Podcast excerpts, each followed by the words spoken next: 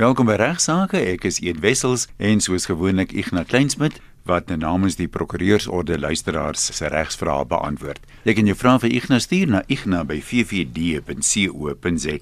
Ignas ons het verlede week gepraat oor sake redding en die SAL en alles, maar daar is ook 'n weergawe wat op individue van toepassing is as jy as individu nou in die moeilikheid kom wat noem hulle dit skuldhersiening? Skuldhersiening ja, debt rescue. Kom ons gesels 'n ja. bietjie daaroor is wat jy oor inkomste en die verskille. Ja, dankie Ian. Uh, skuldhersiening was ingestel met die inwerkingtreding van die nasionale kredietwet al in 2007. En sedertdien is regtig der duisende der duisende mense onder skuldhersiening geplaas. So jy sal nou weet en almal wat koerante lees en die media na kyk, skuldberaders, sogenaamde skuldberaders. Soos ons weet dat duisende dat duisende mense sedertdien onder skuldherkenning geplaas, skuldhersiening liewerste. En skuldberaders adverteer wydensyd van die voordele van skuldhersiening. Hier praat ons van skuldberaders en nie van sake redders. Sake redders nie. Uh dit klink nou na ook na baie welkome blaaskans vir mense wat in finansiële penarie is, want jou maandelikse paai kredietpaaiemente word verlaag terloops jy raak jy ontslaaf van jou skuld nie. Skuldersiening is eintlik maar jou totale skuld word deur die skuldberader geherstruktureer. Dit gee vir jou 'n blaaskaas. Dit gee vir jou sê nou maar jy moes binne 12 maande betaal het, 12 paaiemente. Nou sal die skuldberader by die skuldeiser omkom dat jy binne 24 paaiemente gaan betaal. Eh, afhangende van jou inkomste en uitgawes. Eh, so jou maandelikse kredietpaaiemente word gewoonlik verlaag, maar wat baie van hierdie advertensies een luisteraars nie vir jou sê nie, is ook dat dit dikwels ook baie negatiewe impak op jou kan hê. Boonbehalwe dat dit nou natuurlik op jou kredietrekord aangeteken word, kan 'n verbruiker geen verdere krediet aangaan nie. Dis anders as weer eens by uh by sakereding uh kan daar voortgaan word met besigheid. Die besigheid gaan aan soos normaalweg. By skuldhersiening stop alles, jy kan geen nuwe krediet aangaan nie. Jy kan net jou bestaande krediet herstruktureer. Uh nou om die verlaging van 'n paaiement moontlik te maak, moet die terugbetaalingstermyn dus verleng word. Rente loop steeds op uitstaande balans alles soos normaalweg. Dit het die gevolg dat verbruikers net geweldig lank vat om hulle skuld af te betaal. En aan daai tydperk kan jy nie weer nuwe skuld aangaan nie. Want onthou baie groot gedeelte van jou paaiement is dikwels almal net vir rente, veral as jy dit nou die paaimente verlaag. Nou eh, die afgelope 2 jaar het ons geweldig baie kliënte gesien uh by ons firma wat probeer het om van hulle skuld skuldhersiening ontslae te raak wat nie meer verder onder skuldersiening wil wees nie. Gewoonlik het hulle finansiële posisie verbeter en kan hulle bekostig om weer hulle normale paemente te betaal. So hulle sê kom ons beëindig die skuldersiening. Hulle kan dalk bekostig om nou weer 'n nuwe kar of huis te koop. Hulle wil graag nuwe skuld aangaan. Hulle wil weer 'n bietjie vooruitgeboor in die lewe. Uh, maar hulle kan nie want hulle mag nie nuwe krediet aangaan nie want hulle kwalifiseer nie vir krediet nie. Uh, dis eers op hierdie stadium dat verbruikers werklik agterkom waarvoor hulle hulle self ingelaat het toe hulle gedink het is nou 'n maklike manier om om om 'n bietjie blaaskans te kry. Ek dink jy van dieselfde ding moet boedeloorgawe dat mense later agterkom. Presies dieselfde. Nou daar's vele hooggeregshofsaake luisteraars oor hieroor en daar's ook teenstrydige beslissings gegee oor of 'n verbruiker uit uit die skuldersiening kan kom en hoe, maar in September 2019 het die Gautengse Hooggeregshof uh dis in die saak van Janse van Vuren versus Roots en dan Nel versus Roots en ander in 2019 die uitspraak gegee 3 September 2019 het hulle uitspraak gegee 'n volbank beslissing wat 'n bietjie meer sekerheid gegee het oor die hele situasie want verbruikers bevind hulle self deur die hof in een van twee gevalle. Daar's 'n hofbevel toegestaan eh, wat hulle onder skuldberading geplaas het of 'n hofbevel was nooit toegestaan nie maar daar's oor inkomste met krediteure bereik sonder 'n hofbevel. Nou die posisie om onder skuldherskening uit te kom verskil in hierdie twee gevalle van mekaar uh, in hierdie hofsaak sê presies hoe dit verskil. In die gevalle waar daar hofbevele is, sê die hof nou, kan 'n verbruiker nie slegs aansoek doen vir 'n sydestelling van daardie bevel nie. 'n Skuldersiening nie. 'n Verbruiker in hierdie posisie kan slegs van sy skuldersiening ontslaa raak indien hulle al hulle korttermynskuld afbetaal het en al hulle agterstallige paemente op die langtermynskuld, dis gewoonlik nou huislening op datum op opgevang het, op datum gekom het. So gewone korttermynskuld afbetaal, langtermynskuld moet jy op datum gekom het. So jy moet eintlik weer heeltemal solvent wees.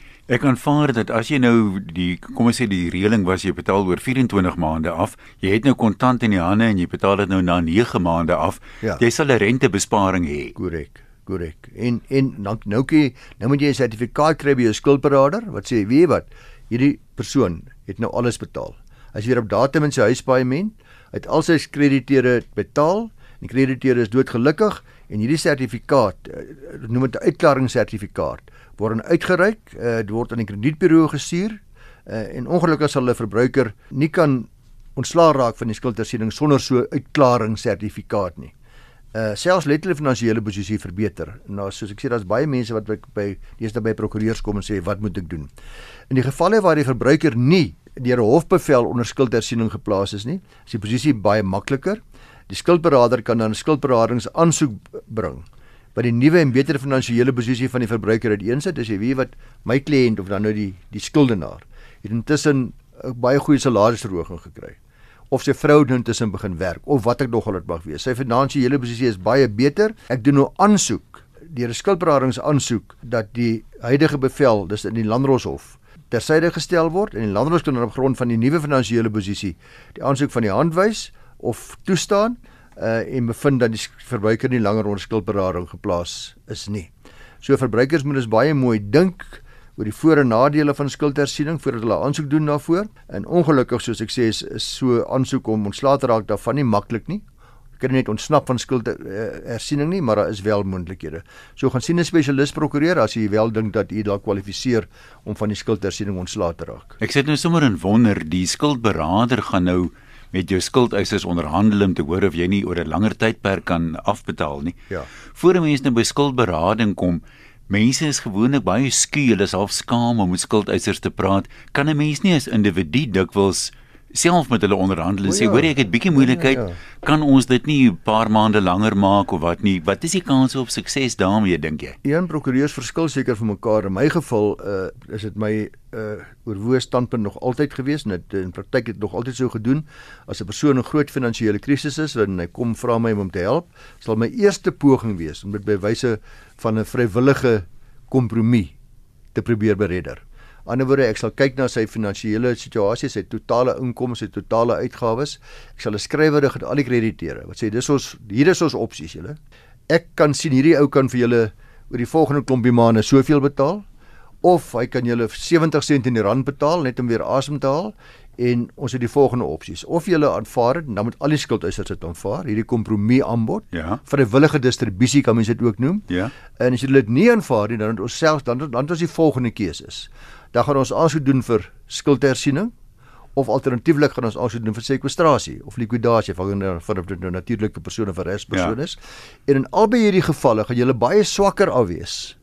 Want nou is daar die kostes van die skuldhersiener, die kostes van die uh, van die hofaansoek, die kostes van die likwidateur of die of die persoon wat die kurator van die insolvente boedel gaan wees, veilingskoste, afslaerskoste ensovoorts ensovoorts. Ek sê dit netjies uit eer in 'n brief wat vir elke skuldeiser mooi verduidelik wat die opsies is. As jy dit nie aanvaar nie, uh, dan is my advies aan my kliënt om aansoek te doen om insolventie wat ook nog hulle maar wees 'n skuldberader. En dis dikwels sukses wanneer die ek moet nou versigtig wees met my woorde hier, die gesofistikeerde skuldeiser verstaan dit baie goed. Die banke, die groot maatskappye, hulle weet presies hoe dit werk. En hierdie brief sal vir hulle baie goeie aanduiding gee as hulle my vertrou en hulle weet my inligting is korrek en ek staaf dit met behoorlike getuienis ook. Ek is nie sommer besig om 'n storieetjie te vertel ja. nie. En ek sal ook vir hulle sê, ek is bereid om dit te verkoop of dat te verkoop om dit makliker te maak en ek gaan hierdie my my my Mercedes gaan ek vervang met 'n Volkswagen of wat ook nog dit mag wees. Dan moet bona fides uit die hele brief uitwys, dan sal die meeste skuldeisers dit aanvaar. Die probleem wat jy kry baie keer hardvogtige skuldeisers. Die wat nie gewoond is aan aan aan die prosesse nie. Ja. Wat nie besef wat hy gaan verloor in die proses nie, wat dan nou harde kojawel is. Nou uh, dikwels kan jy dan ook 'n uh, uitsondering maak, maar net met toestemming van die ander skuldeisers. Uh want al die skuldeisers moet dieselfde hanteer word. Dit, dit moet gelyke behandeling van skuldeisers wees. Ek het vir 'n prokureur by ons Esmerie McKellen bekwame jong dame gevra om bietjie vir my te gaan ietsie skryf oor persoonlike kostebevele in ons howe en uh, sy meld reg dat die algemene reël is dat die suksesvolle partye in 'n saak 'n kostebevel teen die verloorder kry. Kostebevele word egter evalueer aan die hand van die feite van elke saak en kan daar dan omstandighede wees wat die hof sal afwyk van hierdie algemene reël. Uh wanneer die hof sy ondervredenheid wil uitspreek oor gedrag van 'n party in 'n saak, dan is dit die hof se diskresie om dit sy noem 'n bestrawende kostebevel toe te staan. Nou een van die tipes bestrawende kostebevele wat die hof kan toestaan, is wat bekend is as 'n Debonis proprius kostebevel. Hierdie tipe kostebevel word toegestaan teen 'n litigant wat optree in 'n verteenwoordigende hoedanigheid in terme waarvan die persoon die verteenwoordiger dan die kostes uit sy of haar persoonlike sak moet betaal weens onbehoorlike gedrag gedurende die litigasieproses. 'n Goeie voorbeeld hiervan is die direkteur van 'n maatskappy kan self aanspreeklik gehou word van vir die kostes of die trustee van 'n trust of die lid van 'n organisasie, die voorsitter van die tennisklub of 'n prokureur wat namens sy kliënt optree. In die bonus proprius gevalle meer dikwels teen prokureurs uh, wat namens kliënte optree want die hof dan sy ontevredenheid met die gedrag van die prokureur te kenne gee het. Hy sê meneer, jy gaan self die koste betaal. Jy moes nooit in die hof gewees het nie. So die basiese beginsel onderliggend aan die bonus proprius koste bevel, dat die persoon wat dis die litigant verteenwoordig, versuim of sy om om sy of haar professionele pligte behoorlik na te kom.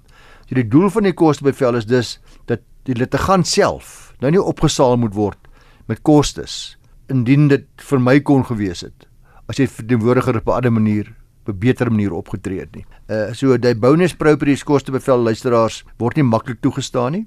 Dit word slegs toegestaan in die geval van baie ernstige of grouwe nalatigheid aan die kant van die verteenwoordiger. Sulke bevele het onlangs redelike opspraak in die nuus gemaak toe die DA so bevel teen die openbare beskermer versoek het. Dit was in die saak van uh Democratic Alliance versus the Public Protector in 'n related matter in 2019 se 4 einde van 2019. Die DA het aangevoer dat die openbare beskermer se gedrag in die litigasieproses nalatig was, dat dit onredelik was, dat dit ter kwade trou was, dis belangrik hierdie, nie bona fide was nie, maar mala fide was. In hierdie saak het die hof die beginsels van hierdie tipe koste bevel baie mooi na gaan kyk. En weer eens herbevestig wat ek nou pas gesê het, die hof bevind dat die openbare beskermer 'n totale veronagsaming van haar professionele pligte en verpligtinge getoon het dat geen persoon ongeag hoe belangrik sy of haar amp is, sê die hof, sal ooit totale immuniteit kan eis teen 'n bestrawende koste bevel om sê, "Maar ek is die openbare beskermer." Ja, maar ek hmm. kan nie ek, ek kan maak, maak wat ek wil, ja. Eh, die hof sê, "Eikon, dit werk nie so nie." Veral waar die persoon se gedrag 'n blaatante oortreding van sy of haar grondwetlike pligte is. Die hof het dus in hierdie geval het die bonus proprius koste bevel teen openbare beskermer toegestaan. Dus luisteraars, partye tot litigasie insluitende prokureurs tree dikwels aspris op in kwade trou, mala fide, onredelik in litigasie op. Hulle wil 'n punt probeer bewys aan die teenkant. Dikwels ook op 'n onetiese wyse. En ek sê dikwels moet ek daarom net sê as ek nou van prokureurs praat, is dit die uitsondering. Ag en die bonuskoste, die bonus proprius koste bevele is waarskynlik 1 in 'n 1000 sake wat dit werklik gebeur, maar sulke litigante moet onthou dat die doel van die hof is om te beslis oor 'n dispuut tussen partye en nie om misbruik te word deur mense wat sekere punte wil maak of wil te slim wees nie.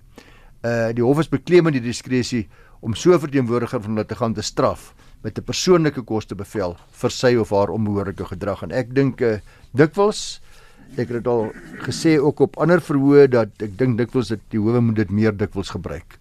Ons het ook al heelwat in die program gesels oor munisipaliteite byvoorbeeld wat appeleer tot waar met belastingbetalers se geld ja. sonder dat daar enige realistiese kans op sukses is. Ja, en jy sal nou ons het al sake hanteer waar munisipale bestuurders persoonlik aanspreeklik gehou is uh vir die feit dat hulle ander litigeer terwyl daar duidelik geen kans op sukses is nie. Goed, uh, ons het nog baie tyd.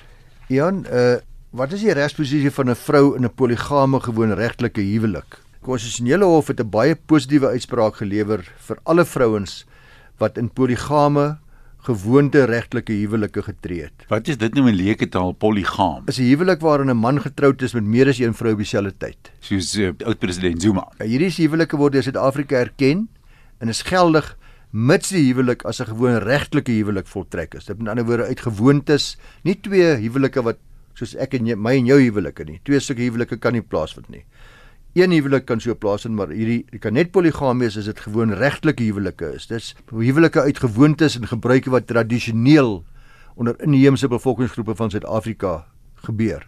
Uh dit moet dan ook voldoen aan die vereistes van die Wet op Erkenning van Gebruikelike Huwelike. Daai wet is 'n wet van 1988. So dan is dit 'n poligame huwelik en uh die Wet op Erkenning van Gebruikelike Huwelike het in November 2000 in werking getree. Was die doel van hierdie wet spesifiek om gelyke regte en handelsbevoegdheid en status aan partye in so gewoonte regtelike huwelik te gee.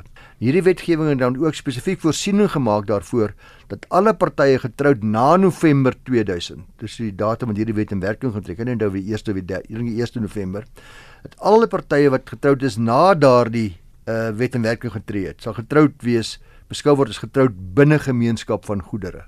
Dis artikel 7 subartikel 2 van die wet op erkenning van gebruikelike huwelike wat dit bepaal. So partye getroud na November 2000 in gewoon regtelike huwelik, het dis nou die voordeel van 'n huwelik binne gemeenskap van goedere en dis al hierdie vrouens wat voorheen nie hierdie regte gehad het of mooi besef het nie. Waarteenoor partye wat voor November 2000 getrou het, nie hierdie voordele en beskerming geniet het nie. Dit was net 'n chaos geweest. Hulle gewoonlik niks, niks gekry by die eindiging van daai uh, verhouding nie. Nou dit was deur die konstitusionele hof verander nadat die hof genader was vir verligting en die hof moes bepaal wat grondwetlik is om te onderskei tussen partye getroud voor November 2000 en na na November 2000. Uh dis nou nie die saak wat ek nou vir u genoem het. Die hof het 'n verandering aangebring deur te beslis dat monogame huwelike, dis huwelike tussen man en vrou, die voordele en beskerming kan geniet van 'n huwelik binne gemeenskap van goedere dit maak nie saak of hulle voor of na 'n werkintreding van die wet in huwelik getree het nie. So uh, daar was ongelukkig nie so voordeel en verligting gegee vir die partye wat 'n poligame huwelik gesluit het nie. Nou ten aansien van poligame huwelike bevestig die wet op erkenning van gebruikelike huwelike dat indien 'n man wat gewoon regtelik getroud is en die behoefte dis praat nou van mense wat met twee vrouens getroud is, nê? Wat gewoon regtelik getroud is en die behoefte het om met nog 'n vrou te trou na November 2000. Hy dit wel mag doen maar hy moet eers die hof nader vir toestemming. Dit is nou 'n belangrike wysiging hierdie. Anderswoorde jy kan nou ek nou met 'n tweede vrou trou, gewoon regtelik mhm. huwelik, mm -hmm. maar ek moet eers die hof nader vir toestemming en om toestemming te kry moet ek 'n gestrewe kontrak vir die hof voorlê. Uh wat die toekomstige huweliksgoedere bedeling sal reguleer, so wat die hof moet goedkeur. Niemand indien iemand dit nie doen nie, sal hierdie tweede huwelik vir hom nietig wees. En dit sal slegs dan geag word vir doeleindes van die van bates as 'n huwelik gesluit buite gemeenskap van goedere. Hierdie wetgewing maak voorsiening vir polygame huwelike, maar onderskryf steeds die onregverdige en nadelende bewoording wat bevestig dat slegs partye getroud na die werkintreding van hierdie wet hierdie beskerming sal geniet. Nou na afloop van ongeveer 18 jaar, dis nou in 2018, uh, het die hof die lig gesuiwer en duidelikheid gegee om ook te kyk na die regsposisie van partye wat in 'n polygame gewoon regtelike huwelik gesluit het voor die werkintreding van die wet. Dis nie die saak van Ramaphosa en ander teen die president van die Republiek van Suid-Afrika in die 2018 saak in die in die Kaap. Die hof beslis dat die artikel wat ek nou nou na verwys het artikel 7 wat eiendomsreg en gewoon gewoon die regtelike huwelike reguleer ongrondwetlik is. Dit diskrimineer teen vrouens sê die hof en die hof het 'n interim beslissing gemaak dat vrouens oor gelyke regte beskik, selfs as die mans en daarmee saam was die parlement versoek om die defek en leemtes te, her, te herstel in hierdie wet binne 'n periode van 24 maande. Nou na hierdie periode het die parlement dan vir 'n verdere tyd aansoek gedoen. Hulle was nog nie in staat nie en die hof het op 26 November 2019 hulle versoek om 'n verlenging van die hand uh, van die van die tydperk van die hand gewys en die interim bevel weer eens herbevestig en gesê hulle moet dit binne 24 maande doen.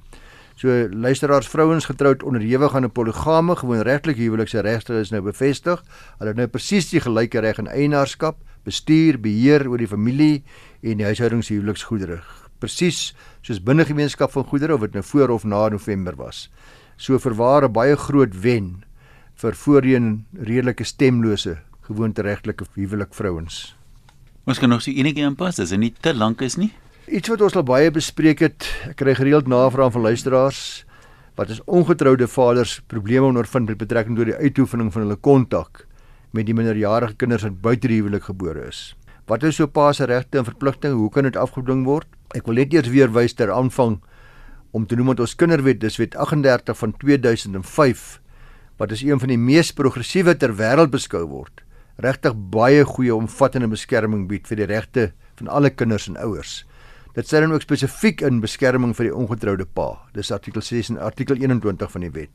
Artikel 21 1B handel spesifiek met die regte en verantwoordelikhede van die hierdie ongetroude paas. Hierdie bepaling poog om te verseker dat 'n pa wie nooit in hulle kind se met die kind se ma getroud was nie, maar werklik belangstel en wil deel wees van die kind se lewe op dieselfde voet as enige ander pa geplaas word.